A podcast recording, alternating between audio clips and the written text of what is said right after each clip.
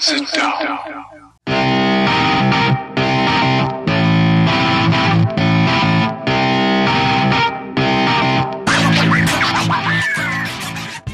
Witam wszystkich i każdego z osobna. Ja jestem Robert Kochan, a to jest Kochana NBA, najbardziej nieobiektywny podcast o najlepszej koszykarskiej lidze świata. Razem ze mną jest dzisiaj Wiaro. Siema Wiaro, jak ci mija ten piątkowy wieczór? Siema Robert, cześć wszystkim. E, Piątkowy wieczór przyjemny, ale wiesz, z takim małym jakby kamyczkiem w bucie, no bo wczoraj był mecz Lakers-Denver, złoili nas, trochę się z tym źle czuję. No, tam chyba solidne, solidne lanie było, tych punktów dużo nie, udało się wam wczoraj zdobyć. No. Dobra defensywa Lakers jednak mimo wszystko, no i przypomniały się finały konferencji? no trochę niestety tak, E, słabo to wyglądało.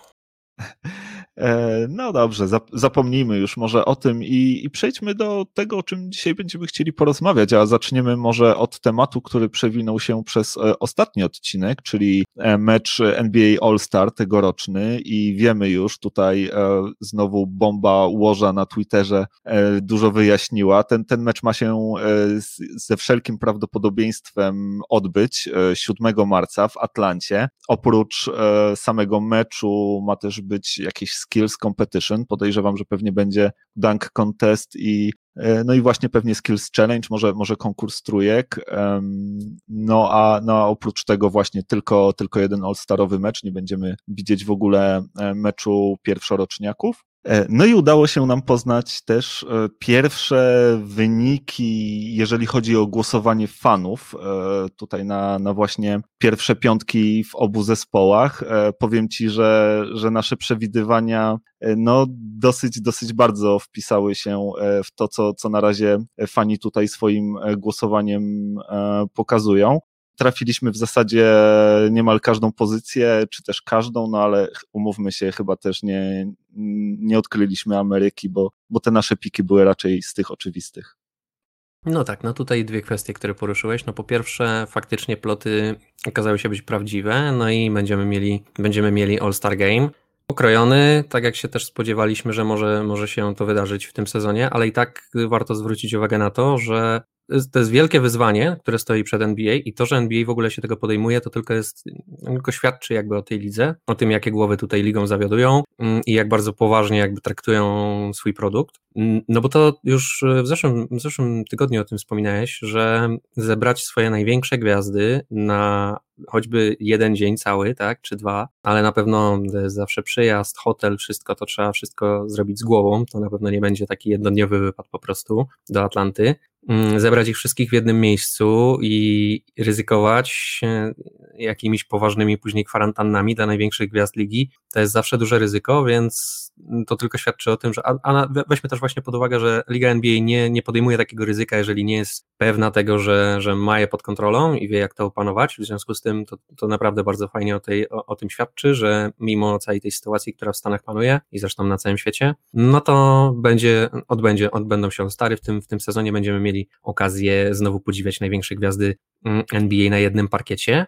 Chociaż też ciekawostka, nie wiem czy słyszałeś o tym, ale gwiazdy się wypowiadają różnie na temat tych All-Starów i tego, że one się odbędą. Na przykład LeBron James się wypowiadał, że kompletnie tych All-Starów w tym roku nie czuje i nie ma w ogóle głowy, kompletnie mu się to jakby e, nie mieści w głowie na razie, że te All-Stary w ogóle, w ogóle mają się wydarzyć, to takie nierealne mu się to wydaje. Także też gwiazdy różnie do tego podchodzą, no ale myślę, że, że jednak fajnie, że Liga takie widowisko zrobi dla nas wszystkich. Mm, All-Stary to jest zawsze gratka dla fanów przede wszystkim, no i, no i na tym też e, jakby nie było NBA się opiera tutaj na, na, na jakby to jest ukłon w naszą stronę z, e, od ligi, także fajnie. No a druga sprawa, to co powiedziałeś, no tak, Ameryki nie odkryliśmy, jeżeli chodzi o e, pierwsze piątki, to raczej było dość e, oczywiste, kto, kto w tych All-Starach zagra.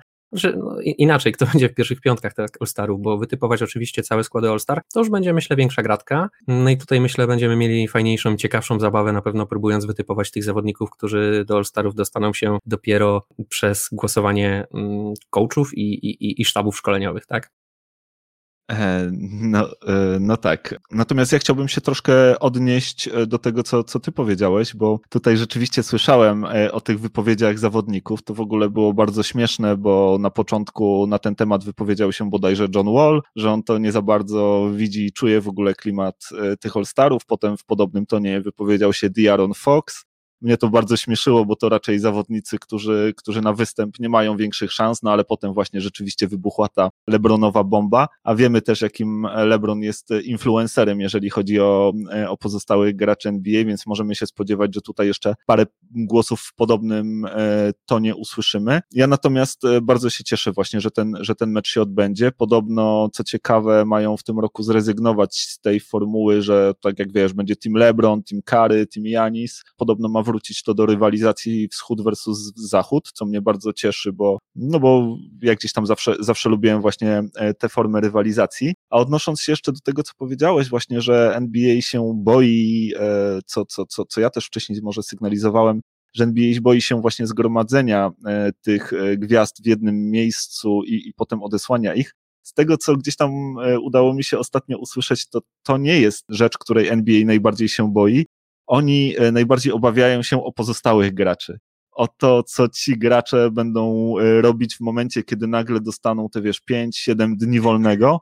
Boją się, że oni po prostu polecą do Vegas, że będą tam, wiesz, imprezować y, w miejscach, w których NBA nie może kontrolować, tak, że rozjadą się po swoich, wiesz, rodzinach, po swoich, no gdzieś tam e, lo, lokalnych miejscowościach czy, czy, czy dzielnicach i, i że tam, e, no, będą e, narażeni na niebezpieczeństwo zarażenia się i potem, potem wrócą do drużyny. NBA mam wrażenie, że oni uważają, że, że, że samo All-Star, sam, e, sam ten kamp cały kilkudniowy w Atlancie będą w stanie to kontrolować, mają już zresztą doświadczenie, wiedzą jak to robić, mają jakby potrzebny know-how, natomiast no, na innych nie będą mogli cały czas uważać, nie? tak jak na te gwiazdy.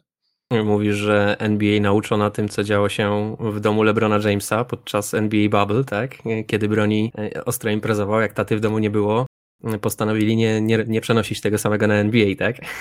Ja powiem Ci szczerze, że osobiście bardzo się obawiam, czy Lou Williams czegoś nie przywiezie. Bo to, to jest bardzo, bardzo możliwe, że on się. Dokładnie, to jest jego miasto, on się tam wiesz, może wybrać, e, żeby się w tym otoczeniu e, all-starowym gdzieś tam ogrzać, przy okazji sobie wyskoczyć e, na swoje ulubione piersi i skrzydełka do, do Magic City, więc no boję, boję się, z czym on może wrócić. Mam nadzieję, że, że nic takiego się nie stanie.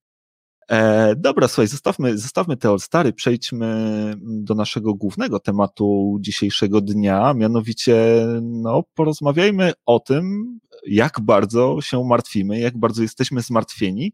No, chodzi tutaj e, konkretnie e, o postawę dwóch drużyn, o których, o których właśnie porozmawiamy. Zacznijmy może od tej e, na zachodzie. Wiaro, powiedz mi tak szczerze, w skali od 1 e, do 10, jak bardzo się martwisz Dallas Mavericks?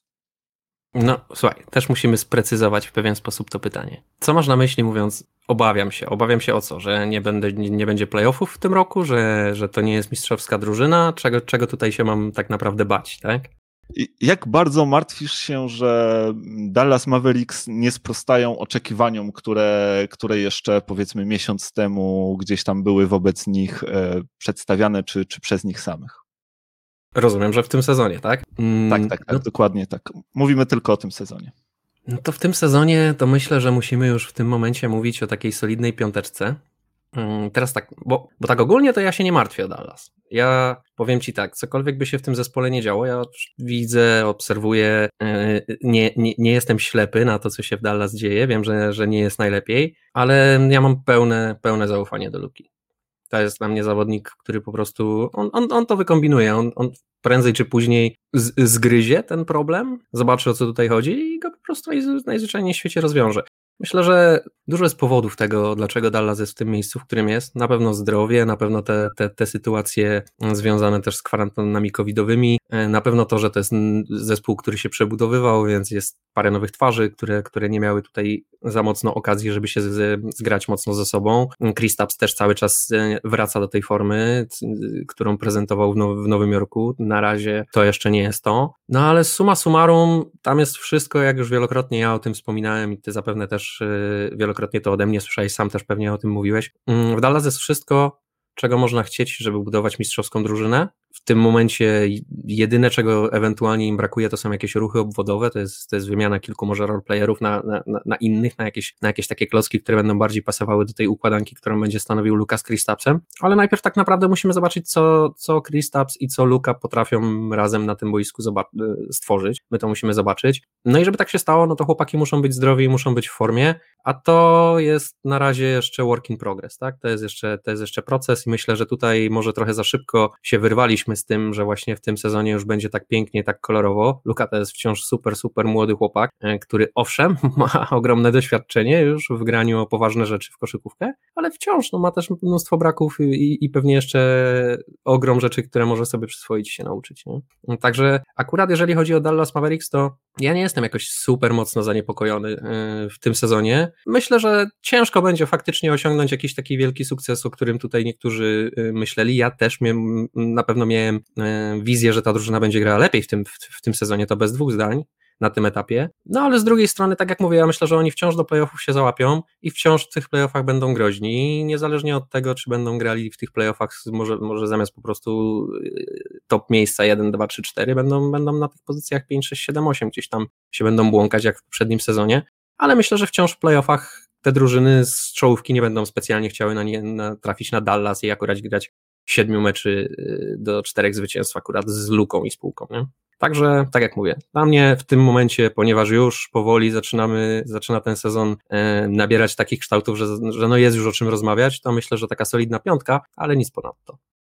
No to powiem ci, że tak się wydajesz właśnie mocno wychillowany i, i, i, niekoniecznie szczególnie zmartwiony. Ja powiem ci, martwię się dużo bardziej. Już tu tak trochę wręcz powiedziałbym nerwowo przebieram nogami i powiedziałbym, że no tak, e, w tej skali do 10 to chyba na ósemeczkę to spokojnie. Taki, Różnica charakterów, taki, taki jestem zmartwiony. Znaczy, nie wiem, czy różnica charakteru. No słuchaj, chciałbym, chciałbym ci tutaj przedstawić powody, które, które jakby sprawiają, że, że to zmartwienie jest na takim, e, a nie innym poziomie. No słuchaj, przede wszystkim musimy pamiętać o tym, że, że tutaj znajdujemy się na zachodzie. Tutaj nie jest tak hop nie jest łatwo e, robić, wiesz, duże striki i awansować e, o te miejsca do przodu, a Dallas no, z wynikiem 9-14, to wiesz, to nie jest wschód, gdzie, gdzie w zasadzie drużyny, które połowę swoich meczów e, wygrywają, są na szóstym miejscu. Tutaj wiesz, ósme San Antonio ma 12-10, czyli to jest aż różnica siedmiu meczów ten zachód jest strasznie ciężki. Tu nie jest tak e, łatwo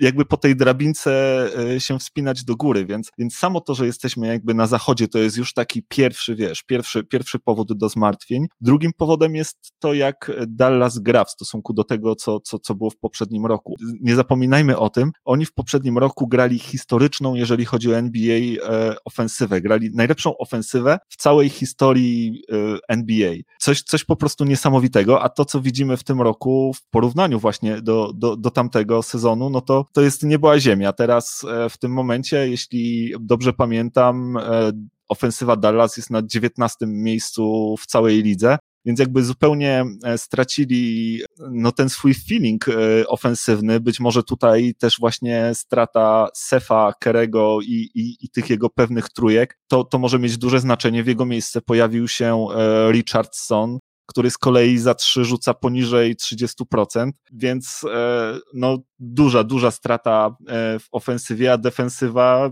od dawna nie była mocną e, stroną tego zespołu mają bodajże jedną z najgorszych, jedną z pięciu najgorszych defensyw w całej lidze, więc no ciężko, wiesz, też na tej podstawie wyrokować, żeby, żeby oni się do tej, do tej góry wspieli. Wiesz, na pewno dużo można zarzucić też samemu Luce, tak?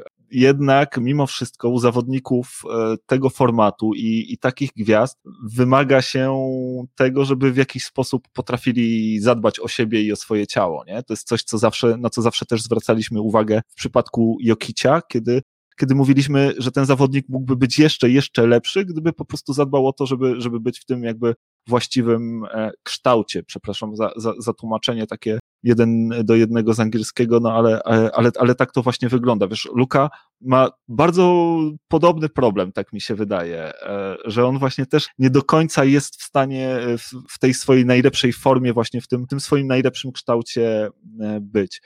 Inna kwestia to jest też to, co, co, co Luka właśnie pokazuje swoją postawą na boisku, zwłaszcza w defensywie, bo o ile rzeczywiście ofensywnie stara się robić wszystko dla tego zespołu, no prawie robi średnio triple-double, to jednak wiesz, te piłki, które, które rozdaje, jego koledzy z drużyny nie trafiają, no i Luka już coraz rzadziej przestaje się uśmiechać, coraz e, częściej gdzieś tam traci zainteresowanie. Potem, kiedy gra przenosi się do obrony, no to Luka no, trochę zaczyna przypominać e, Hardena sprzed sezonu czy dwóch i, i taki wiesz, matador defense e, robi, no nie wygląda to e, za ładnie, a dodatkowo, no, tak jak wspomniałeś, to jest zawodnik bardzo młody, a jest najlepszym zawodnikiem tej drużyny, przez co ona nie ma, wydaje mi się, prawdziwego lidera. Nie ma tam nikogo, kto byłby takim, wiesz, liderem na boisku tej drużyny, kto potrafiłby zmotywować kolegów z drużyny, kiedy idzie e, słabo, kto potrafiłby świecić swoim przykładem. To jest bardzo młody skład. Kilku zawodników może miałoby takie skłonności czy takie ambicje, nie wiem, taki Dwight Powell na przykład, ale to są zawodnicy, którzy nigdy w życiu nie wygrali serii w playoffach, więc ciężko, wiesz, z takim liderem daleko zajść. No, w tamtym sezonie był tam jeszcze JJ Barea, który był takim no, dobrym duchem tej drużyny, no ale w tym sezonie już go nie ma i wydaje mi się, że, e, że tego tego lidera właśnie bardzo w Dallas brakuje. E, mam jeszcze parę argumentów na to, ale chciałbym może zapytać, co, co myślisz o tym, co, co tutaj do tej pory ci próbuję sprzedać. Czy nie sprawiło to, że martwisz się troszkę bardziej? Nie, właśnie Czyli... nie. Nie, bo widzisz, bo zobacz. Pierwsza rzecz, ich legendarna ofensywa z zeszłego sezonu. Ta ofensywa była w zeszłym sezonie przerysowana, ale ta ofensywa też sprawiała, że oni byli jedną z najgorszych defensyw w lidze i trafili, tracili też mnóstwo punktów. W tym sezonie wiadomo było, że ta ofensywa tak cudownie nie będzie wyglądała, bo jedną z głównych ym, broni tej ofensywy, tak jak tu wspomniałeś, był Seth Curry. Gość, który rzuca, jest bardzo mało takich zawodników jak Seth Curry. Ym, mieliśmy kilku starszych takich zawodników, jak na przykład był JJ Redick czy Kyle Korver. To byli zawodnicy, których naprawdę jak zostawiłeś po prostu chociaż na chwilę samych na trójce i dostali piłkę, to była trójka. 40% to praktycznie regularnie rzucali i to, to no strach, a, a byli tak dobrzy jeszcze w tym, żeby, żeby, żeby ustawiać się na tych wolnych pozycjach, mm, że naprawdę no, w każdej praktycznie akcji bardzo dużo defensywa musiała zwracać na nich uwagę, bo jak nie, no to, to, to stawali się wolni i, i trafiali punkty. I Steph Curry na tym też opierał swoją, no, opiera swoją grę i Luka to potrafił fantastycznie wykorzystać w zeszłym sezonie, stąd ta, ta ofensywa tak działała. Także ja się tutaj spodziewałem, że będzie dużo gorzej, tym bardziej, że wymienili y, właśnie offense na defense, tak? Y, Richardson, jak sam wspomniałeś, 30% za 3, ale to nie jest jego zadanie i on nie po to został ściągnięty tutaj, bo jakby chodziło o to, żeby rzucać trójki, to by nie wymieniali Sefa Kerego, tylko Sef dalej by grałby tutaj w Dallas i po prostu rzucał te trójki dalej, tak jak rzucał. No ale problem był taki, że z taką ofensywą w meczach playoffowych, w siedmiu meczach po prostu nic nie wygrasz. Owszem, ładnie to fajnie w statystykach wygląda, napędza wszystkie różne fajne numerki, ekstra, mamy super y, ofensywę, najlepszą w historii NBA, no i co? No i nic. No i Bęcki w playoffach i, i, no i to w pierwszej rundzie, tak? Więc to, to trzeba było zmienić i wiadomo, wiadomo było, że to musi się gdzieś tam zmienić na, na korzyść tej defensywy. No i to są próby, które zostały podjęte. To nie do końca na razie działa ale myślę, że no jak najbardziej jest tutaj potencjał, żeby to działało, tak? To są zawodnicy moim zdaniem zdolni do tego, żeby grać całkiem przyzwoity defense. Może nie mają, nie jest to drużyna, której będę się bał defensywnie, ale jest to na pewno drużyna, która gra, będzie grała na tyle dobry defense, żeby, żeby potrafić wygrywać mecze. Co do tego, że nie ma lidera. Wiesz, nie w każdym zespole musi być tak, że zawsze jest jakiś weteran pokroju LeBrona Jamesa, który tym weteranem jest. Kiedyś tym weteranem też trzeba zostać. LeBron James był kiedyś w Miami razem z, z Wade'em i też była taka sytuacja, że on tak naprawdę stał się dopiero tym liderem. Tak? Myślę, że Luka jest dokładnie w takim momencie, kiedy on musi stać się tym liderem. Myślę, że ma wszystko, czego potrzeba, żeby takim liderem zostać. Ma też doświadczenie już w meczach o, o, o wysoką stawkę. To nie są jego pierwsze playoffy. A powiem Ci, że słuchałem też jego wypowiedzi na temat tego, co się teraz w Dallas dzieje i Luka mówi otwarcie, że on czegoś takiego nie doświadczył w swojej karierze, żeby było po prostu tak źle, nie ma chemii w drużynie i nie ma po prostu efortu i oni muszą to zmienić wspólnymi siłami, muszą po prostu, musi to kliknąć, musi być komunikacja, musi im wszystkim zależeć, musi to wyglądać jakby naprawdę chcieli wygrywać, a nie, a nie na tak, tak, tak letargicznie podchodzić do meczu. I tutaj Luka też mm, mówił y, o sobie w, tym, w, tym, mm, w tej wypowiedzi, nie tylko o swoich kolegach. Także myślę, że chłopaki wiedzą jakby, gdzie ten problem leży i to naprawdę jest drużyna z potencjałem. Stąd ja się tak strasznie nie martwię, bo ja myślę, że tym bardziej jeszcze właśnie z takim, z takim sternikiem, jakim jest Rick Carroll, tak? Jeżeli to byłaby super młodziutka drużyna pokroju Denver sprzed dwóch sezonów, to bym też mówił, że może być różnie w tym sezonie, tak? Ale to jest naprawdę moim zdaniem groźna drużyna, która już w tym sezonie, jak złapie, już w zeszłym sezonie to pokazali w playoffach, napędzili wam trochę stracha, Clippersom w sensie, mm, więc jak w tym sezonie z, się do tych playoffów załapią, to myślę, że znowu będą bardzo groźni i znowu ben, komuś napędzą stracha, może nie wygrają faktycznie w pierwszej rundzie, bo ta drużyna musi się dotrzeć, ale potencjał tam jest i potencjał tam jest y, ogromny, a myślę, że to jest, to jest podstawa, na którą tutaj trzeba zwrócić uwagę, bo oczywiście, tak jak wspomniałem, no statystyki ładnie wyglądają, fajnie, że, mm, że się jest jakąś tam super ofensywą, ale suma summarum trzeba zagrać 7 meczy w playoffach z jakąś naprawdę solidną drużyną i, i, i te mecze wygrać, no i tak w, przez trzy rundy, a potem w finałach, tak? Więc wiesz, to, to, to tak naprawdę chodzi i z tego ich będziemy finalnie rozliczać, nie? A to jest na razie młoda drużyna, która ma na to ogromny potencjał, więc jeżeli oni zrobią krok naprzód w tym sezonie, to i tak będzie dobry dla nich sezon. Także ja nie jestem tutaj jakoś wielce zmartwiony o, o Dallas.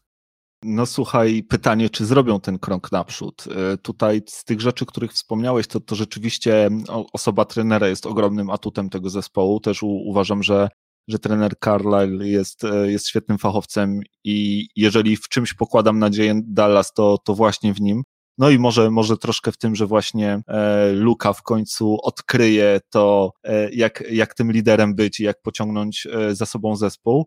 Natomiast e, co do defensywy, to tutaj już bym e, takim optymistą nie był, bo nie wiem, czy wiesz, ale Dallas w tym sezonie gra gorszą defensywę niż grało e, rok temu, mimo że ma właśnie niby lepszych, lepszych do tego zawodników, ale grają po prostu gorszą, gorszą defensywę i, i właśnie to, co potrafili w tamtym roku tą super swoją ofensywą nadrobić. W tym roku nie są w stanie, e, wiesz, wygrać jednej kwarty dwudziestoma punktami i potem dojechać z tym wynikiem do końca. I tutaj ja myślę, że ta ofensywa też może nie do końca wrócić, że być może e, osobą, która za tę ofensywę była też w jakiś sposób mocno odpowiedzialna, była e, osoba obecnego trenera Houston Rockets, Stefana Silasa, który był przecież asystentem odpowiedzialnym właśnie za te aspekty ofensywne w Dallas w poprzednim sezonie. No i wiemy y, o tym właśnie przed, przed sezonem y, przeniósł się do, do Houston Rockets i, i Houston naprawdę gra świetnie, chociaż, co też ciekawe, Houston gra świetnie dzięki swojej defensywie. Więc, e,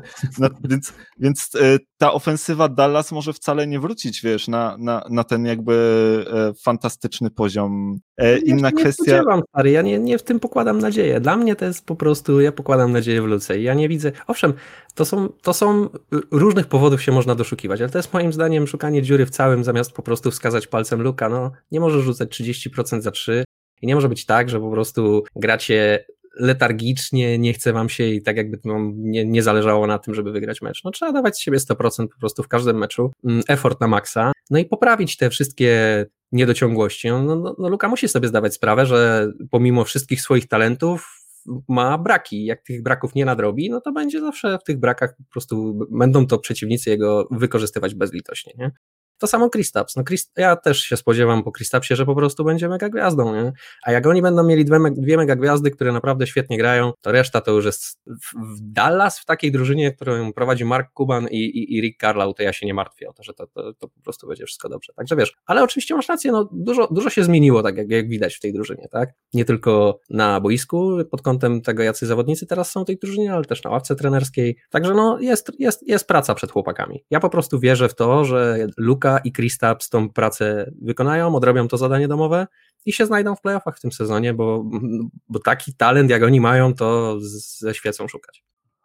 Widzisz, Kristaps jest kolejnym powodem, dla którego się martwię o tę drużynę, a konkretnie chodzi mi tutaj o, o zdrowie Porzingisa, bo no... Brak doskon... do twoich ulubionych zawodników mnie zaskakuje. To, to nie jest brak zaufania, bo ja tutaj nie mówię o tym, że ja im nie ufam. Ja, rozmawiamy o tym, czym ja się martwię. Więc e, akurat ja się bardzo, bardzo martwię o zdrowie Kristapsa, bo to jest gość, który, który miał już chyba ze 20 kontuzji poniżej pasa, nie wspominając o kontuzjach pleców i ramion. On miał operację obu kolan, a historia gości y, wzroście 7, ponad 7 stóp i 3 cale wzrostu, wiesz, jak, jakbyś popatrzył na to historycznie, to kontuzjogenni zawodnicy takiego wzrostu bardzo rzadko udawało im się, wiesz, długo być zdrowym. I Kristaps, na Kristapsie to, to doskonale widać, wiesz, on kiedy gra na boisku jest świetny, tak, jest bardzo e, efektowny, jest bardzo efektywny, potrafi świetnie grać w ataku, potrafi grać świetnie w obronie, ale czy możesz tak naprawdę liczyć na niego i mając go jako drugiego najlepszego zawodnika w zespole, że, że, że on po prostu będzie, będzie dla ciebie grał w każdym meczu, że nagle ci po prostu nie wypadnie, nie? Że, że on przy tym swoim wzroście i przy tej swojej budowie ciała nie upadnie w jakiś taki niezręczny sposób i znowu się to nie, nie skończy, wiesz, operacją czy, czy wykluczeniem do końca sezonu. E, I to jest coś, o, o co się naprawdę bardzo martwię, zwłaszcza, że, że Kristaps jakby historycznie jak najbardziej daje powody do, do takich zmartwień. E, a tutaj jeszcze jakby, co ciekawe, na, na, na taki negatywny scenariusz e, dla Dallas mocno liczą New York Knicks, którzy właśnie wytradowali Porzingisa do Dallas i w zamian dostali tegoroczny, e, w ogóle niechroniony pik w pierwszej rundzie draftu, więc jeżeli Dallas tutaj zawiedzie w tym sezonie, jeżeli, wiesz, ta loteria teraz też jest, też jest tak skonstruowana, że nawet drużyny niekoniecznie te z tych trzech czy czterech najgorszych mają duże szanse na, na tego pierwszego pika, a przynajmniej większe niż kiedyś, więc e, niewykluczone, że, że jeszcze ktoś kiedyś powie, że, że Nixi wygrali tego trade'a w ogóle. Teraz to mnie już kompletnie przekonałeś do tego, że Dallas jednak zagra w playoffach. Znając szczęście Nowego Jorku, jeżeli oni mają w tym jakiś interes, żeby Dallas było słabe, to Dallas na pewno będzie mocne. Wiesz, jak to jest ze szczęściem w Nowym Jorku. No, Nixi nie należą do, do najszczęśliwszych drużyn. Natomiast e, ja osobiście, jak widzisz, mam bardzo dużo powodów, żeby, żeby martwić się e, o, o, o Mavericks. No to nie jest to ja... takie pełne zmartwienie, nie jest to 10 na 10, ale już taka, mówię ci, ósemka, już tak, już tak przebieram, jak rano przeglądam, wiesz, wyniki, wyniki meczów i, i, i patrzę na Dallas już zawsze z taką nadzieją, no, trzeba się, od, trzeba się odbić, trzeba się odbić i patrzę, no i kurde, no, kolejne lanie, kolejne lanie. No, ale coś chciałeś powiedzieć, proszę?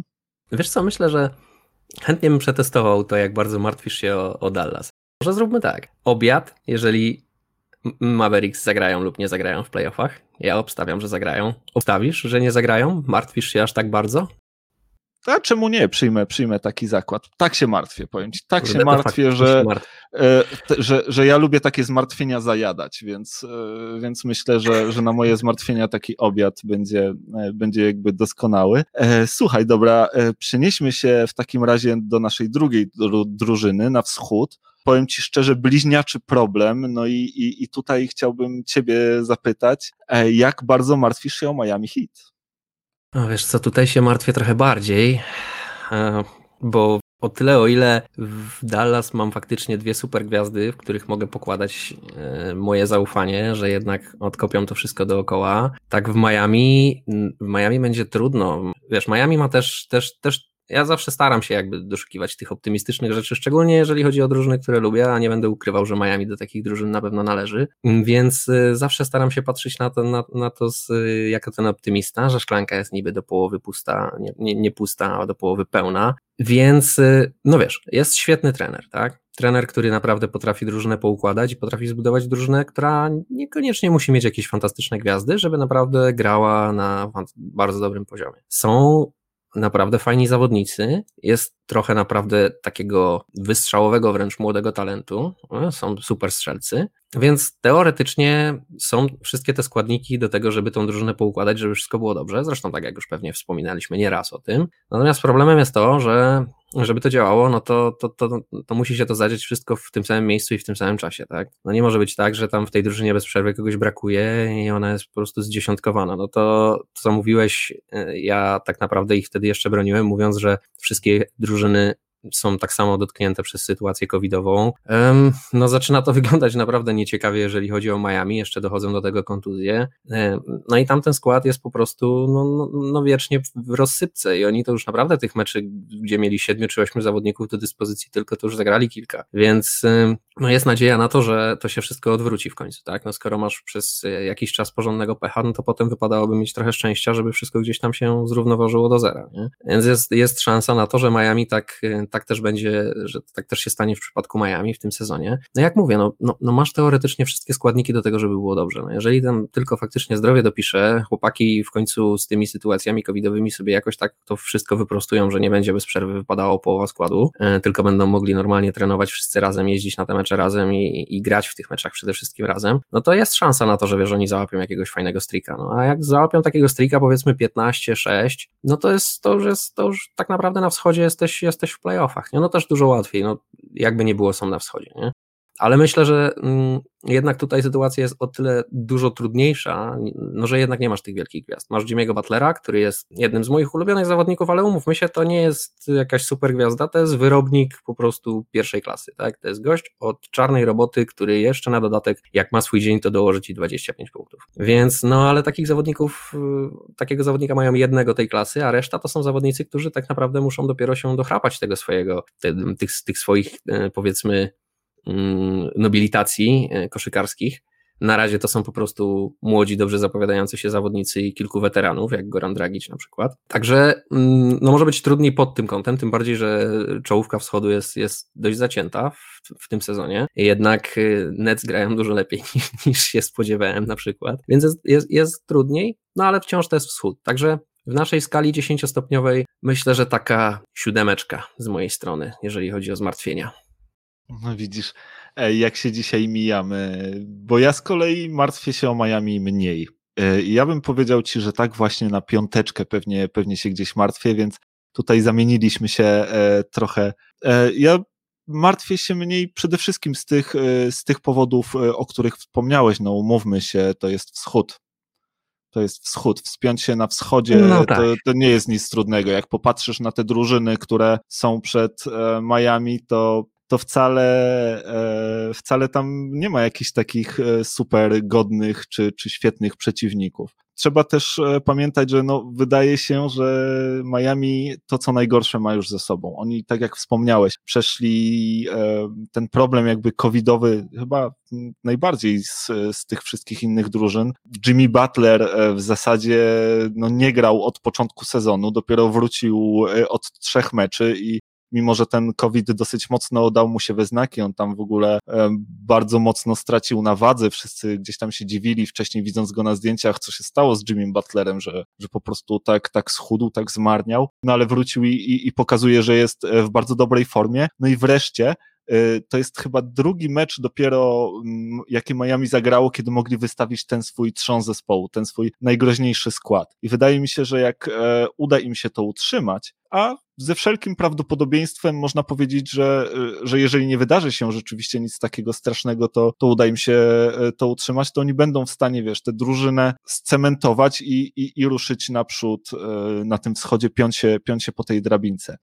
Inna kwestia jest też taka, że zobaczymy, jak się będą zachowywały zespoły, które są przed Miami, bo tam jest kilka takich zespołów, które, no okej, okay, radzą sobie teraz całkiem nieźle, ale ich e, główni menedżerzy e, tak już przez sen mówią słowo tanking, tanking.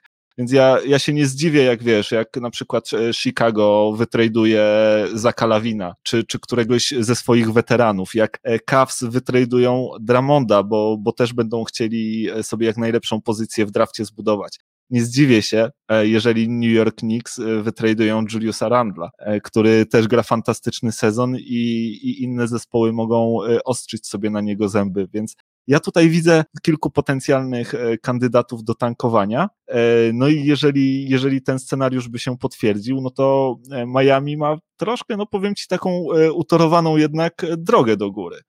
No tak, to są właśnie te, te argumenty za tym, że jednak szklanka jest do połowy pełna. No ale tak jak mówię, no to jest duży dołek sobie wykopali. 7-14 to, już wiesz, to już, są, to już trzeba 7 meczy wygrać, żeby być 50-50 po prostu. Nie? To, um, no to okej, okay, no to jest wschód, no to pewnie to są playoffy. Nie wiem, jak to tam w tym momencie wygląda, ale, ale jestem w stanie się, się założyć, że, że jak masz bilans y, pół na pół, to, to, to łapiesz się do playoffów. Powiem ci tak, dwóch zwycięstw im brakuje do tego, żeby już być w turnieju play-in. No, ale to jeszcze turniej play, nie? A weź też pod uwagę to, że mm, naprawdę ciężko im będzie teraz tą drużynę poukładać, bo oni muszą jednak zbudować naprawdę dobrą chemię, muszą fajnie to wszystko, no, no, to musi działać jak dobrze naoliwiona maszyna, nie? bo tam nie ma takich super gwiazd, na których możesz się oprzeć, wiesz, że na zasadzie ok, drużyna jest w rozsypce, ale mamy, nie wiem, Kevina Duranta, masz tu Durant piłkę i, i zrób 45 punktów, nie? E, więc wiesz, tego tutaj nie ma, trzeba liczyć na to, że cała drużyna będzie grała dobrze, mm, a to nie jest proste, kiedy już jest y, jedna czwarta sezonu za nami, czy nawet jedna trzecia i, i tak naprawdę każdy mecz jest na wagę złota, szczególnie jak taki dołek sobie wykopali, nie? Także, ale tak, no ja też tak trochę nie chcę, za, mm, wolę się o nich, martw, martwię się o nich pewnie troszkę bardziej, dlatego, że mi pewnie na nich zależy bardziej yy, niż na Dallas. Dallas ma jeszcze, wiesz, wiele, wiele, wiele przed sobą, to jest zespół z przyszłością, ja się o nich, oni jak w tym sezonie, yy, nawet jak im w tym sezonie nie pójdzie, to w przyszłym sezonie, czy za dwa lata będą super groźni. E, a Miami to jest taka ekipa, którą chciałbym jeszcze raz zobaczyć w playoffach z Jimmy. Nie wiadomo, jak Jimmy długo tam pogra, nie wiadomo, jak długo będzie jeszcze takim zawodnikiem dookoła, którego Miami będzie zbudowane. Mm, także mocno trzymam za nich kciuki, więc pewnie martwię się też trochę bardziej z tego względu, nie? Słuchaj, może ja cię spróbuję jeszcze pocieszyć troszkę w takim razie i, i sprawić, żebyś, żebyś martwił się troszkę mniej. Popatrz, Jimmy Butler, o którym wspomniałeś, weteran, lider, dusza, dusza i serce zespołu, wrócił właśnie do drużyny. Kto jak nie on będzie w stanie ich właśnie scementować i, i zachęcić do tej ciężkiej pracy, do tego, żeby zbudować tę chemię i żeby, żeby piąć się do góry. Powiedziałeś o braku gwiazd. Ja się z tym nie do końca zgodzę. Mamy Bama Adebayo, który jest przecież All-Starem. Co prawda na wschodzie, Wiemy, że, że bycie All-Starem na wschodzie mniej znaczy niż na zachodzie, ale jednak ciągle All-Starem, więc on jest taką, wiesz, rodzącą się gwiazdą tej drużyny.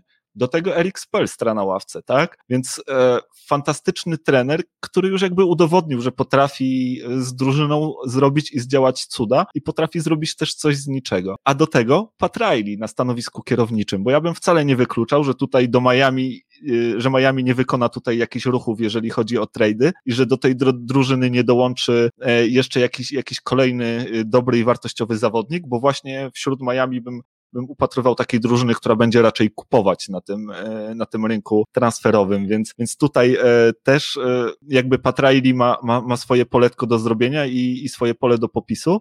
I, i to, co moim zdaniem będzie teraz kluczowe dla Miami, to będzie te kilka najbliższych meczów, oni bodajże jeszcze trzy mecze grają teraz ze słabymi drużynami ze wschodu, jeden bodajże z Waszyngtonem, chyba jeden z Charlotte, jeden chyba z Toronto, więc to będą trzy takie kluczowe e, mecze dla nich, no bo potem jadą na zachód, a na zachodzie się może zdarzyć wszystko.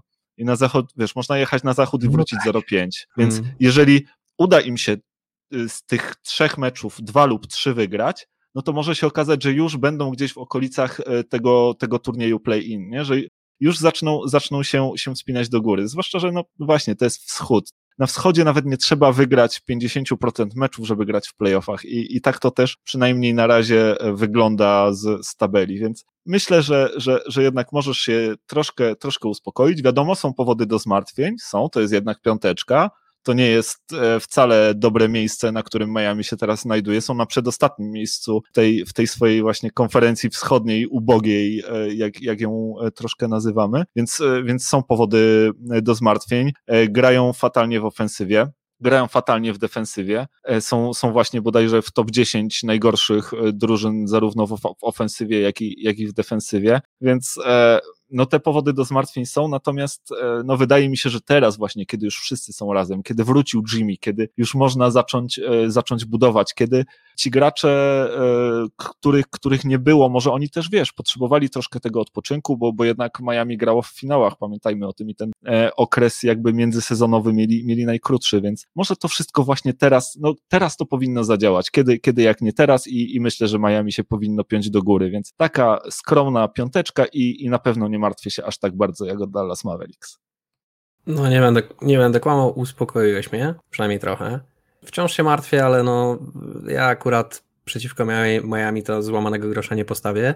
Liczę też na to, że, że jednak w tych playoffach zagrają. Także no dużo, dużo, dużo dobrych argumentów tutaj przytoczyłeś. E, no wciąż, niepokój jest, ale kto jak kto, Miami jest jednym z takich zespołów, na które można liczyć, że, że wygrzebie się z takiego dołka. Zgadza się. E, słuchaj, przejdźmy w takim razie może do kolejnego tematu, e, jaki sobie gdzieś tam na dzisiaj zaplanowaliśmy. Ostatnio w zasadzie otrzymaliśmy pierwsze rezultaty, jeżeli chodzi o gracza miesiąca w każdej konferencji. I moim zdaniem to bardzo ciekawe. Pierwszy raz od 2006 roku mamy taką sytuację, że zarówno w konferencji wschodniej, jak i w konferencji zachodniej do gracza miesiąca w tym samym czasie zostało wybranych dwóch centrów. To w ostatnim razem w 2006 roku był to Dwight Howard i Yao Ming, i teraz po 15 latach nagle mamy wielki powrót centrów e, i właśnie w zachodniej konferencji graczem miesiąca został Nikola Jokic, a graczem miesiąca w konferencji wschodniej został Joel Embiid. Jak ci się podoba, Wiaro, że, że Jokic e, taką formę prezentuje, że, że tutaj został tak doceniony właśnie jako, jako gracz miesiąca? No wiesz co, gracz miesiąca to nie jest akurat taka statuetka, na którą powiedzmy czekam z niecierpliwością, ale oczywiście to jest bardzo fajne, że jakiś gra tak dobrze, jakiś no w ogóle gra tak, tak, tak, taki sezon, gdzie mówi się o nim w kontekście MVP i to jest y, dla każdego fana Denver mega fajne. No jednak wiesz, to jest taki super fajny, sympatyczny zawodnik. Zresztą z taką rewelacyjną grą, to jego się po prostu, jego oglądać to jest czysta przyjemność. E, ale ja, ja ci powiem tak, ja się w ogóle bardzo cieszę, że mamy taką sytuację, że mamy dwóch centrów, bo e, nie okłamujmy się, pamiętasz bardzo dobrze, jak obaj się cieszyliśmy, jak Joel Embiid przychodził do ligi i jak y, mówiliśmy sobie, że o kurde, zobaczymy drugie wcielenie Hakima. Pamiętasz to chyba doskonale, nie? Tak, pamiętam jak się też potem martwiliśmy, jak widzieliśmy, jak zajada hamburgery przy linii bocznej. Ra racja, prawda, tak, tak też było. E, no ale wciąż, widzisz, w końcu doczekaliśmy się chyba tego, że Embiid traktuje koszykówkę bardzo, bardzo poważnie. No i to widać. Doc Rivers odczarował nam Joela Embida. W końcu Embiid się chyba wziął do roboty. Wydaje się, że, że się z Dokiem e, fajnie dogadują. No i gra Embiid swój najlepszy sezon e, od początku e, kariery. Mm, tak jak powiedziałeś, nagroda gracza miesiąca to nie jest jakaś tam szczególna statuetka czy szczególnie ważne osiągnięcie. Natomiast no raz pokazuje no to, że dany zawodnik w danym sezonie bardzo dobrze się prezentuje i, i to jest na pewno cenne dla drużyny, która e, go zatrudnia, a z drugiej strony, no to też jest tak, że wcale niektórym drużynom e, to miano tego gracza miesiąca nie trafia się wcale często. No I, i, i, I na przykład Nuggets musiało bardzo, no dobrze, może nie będę podpowiadał, bo e, troszkę, troszkę na pewno musiało poczekać. Ja jestem ciekaw, czy wiesz, kto jest ostatnim graczem przed Jokiciem, który, który w Denver otrzymał właśnie takie wyróżnienie najlepszego gracza miesiąca. Nie wiem, ale się spodziewam, też już powiedzmy, że trochę mnie naprowadziłeś na to, ale się spodziewam, że to pewnie ktoś yy, z zamierzchłych dość czasów, więc yy, bym strzelał w Carmela Antonego. No i to by był strzał w samą dziesiątkę. Dokładnie, dokładnie tak. E, Melo, kiedy jeszcze grał e, w Denver Nuggets, co wydaje się być 100 lat temu, bo ten no. zawodnik jest już raczej e, u, u kresu swojej kariery, a, a u was grał jeszcze, no chyba tam 20, 20 latek miał, nie? Czy, czy, no, jako czy rookie wybrany u nas został. W drafcie go wzięliśmy, w tym samym zresztą drafcie, w którym LeBron James i Dwayne Wade poszli i Darko. I grał u nas przez pierwsze 5 albo 7 sezonów przez ten pierwszy kontrakt plus, plus extension i chyba na końcówce tego extension mm, ten, ten, ten słynny trade do Nowego Jorku e, był. No właśnie. jakoś tak było.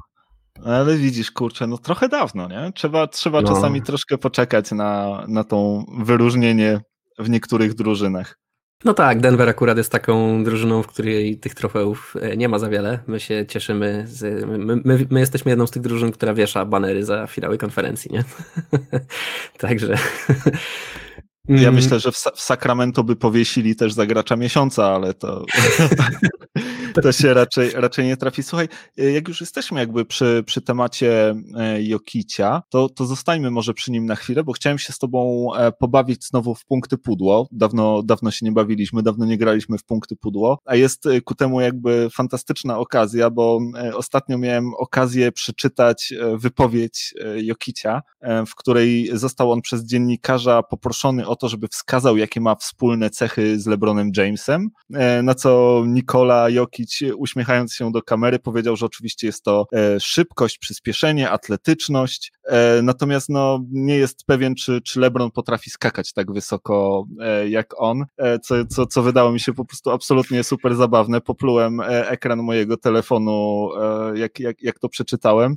No i słuchaj, mam do ciebie takie pytanie, bo Joker, ta taksywa nie wzięła się z niczego. To jest gość, który po prostu fantastycznie potrafi żartować, ma bardzo dużo dystansu, no, robi super szalone rzeczy i, i, i super do tej ksywy też swojej pasuje, więc chciałbym cię zapytać, czy to są punkty, czy to jest pudło, że Jokic jest najśmieszniejszym, najzabawniejszym e, graczem w NBA?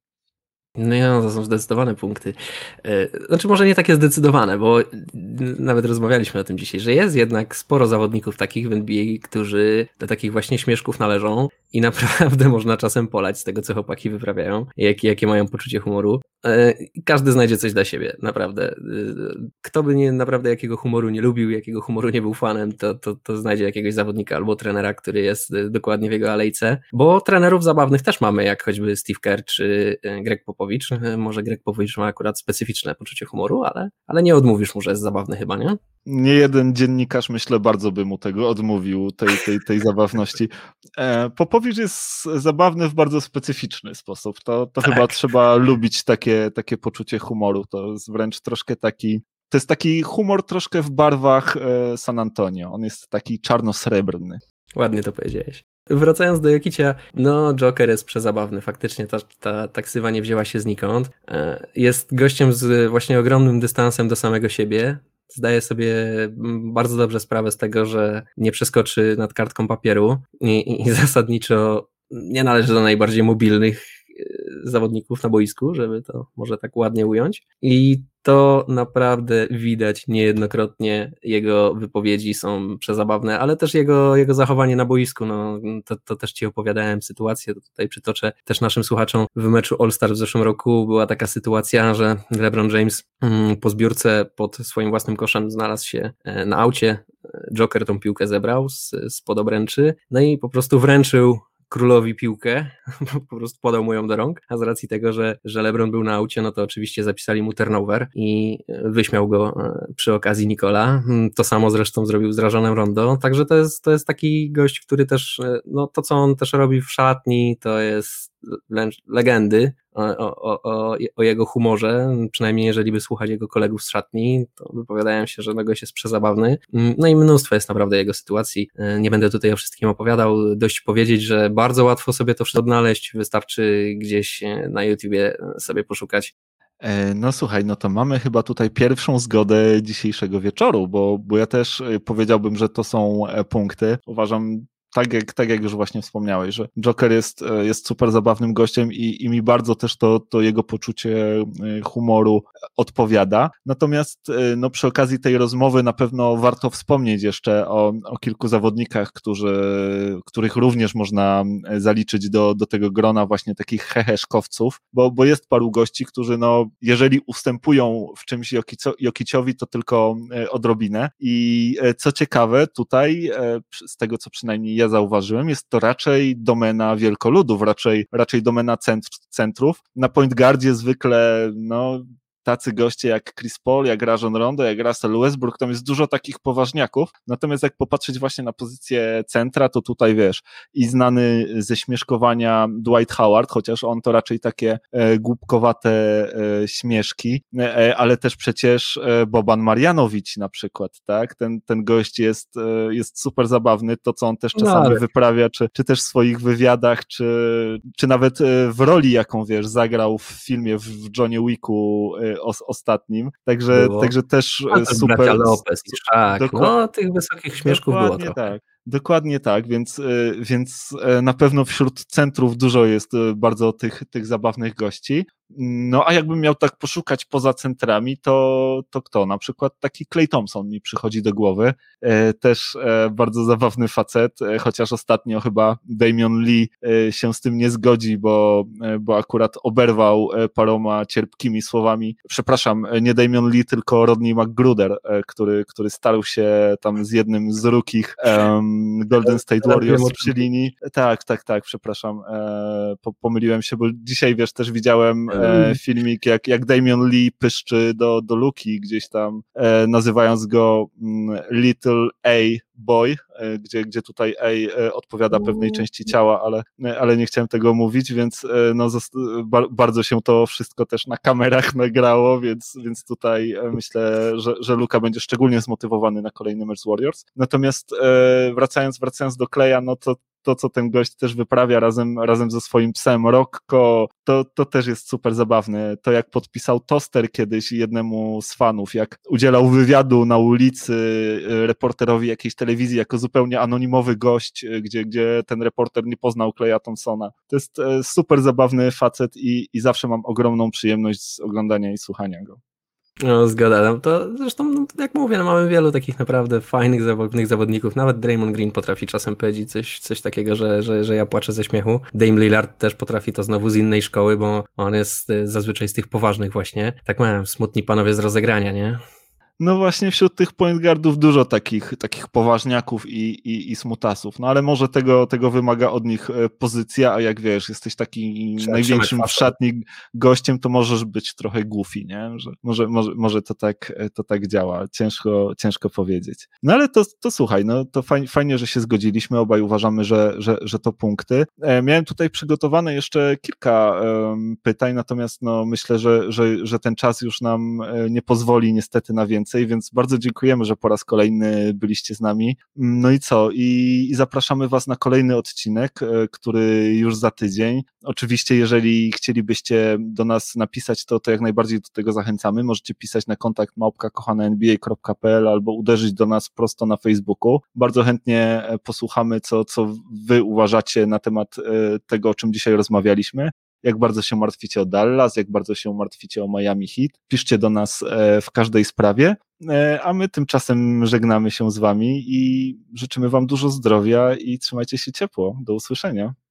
Dzięki, że byliście z nami. No i do, do zobaczenia, do usłyszenia za tydzień. Trzymajcie się ciepło, cześć.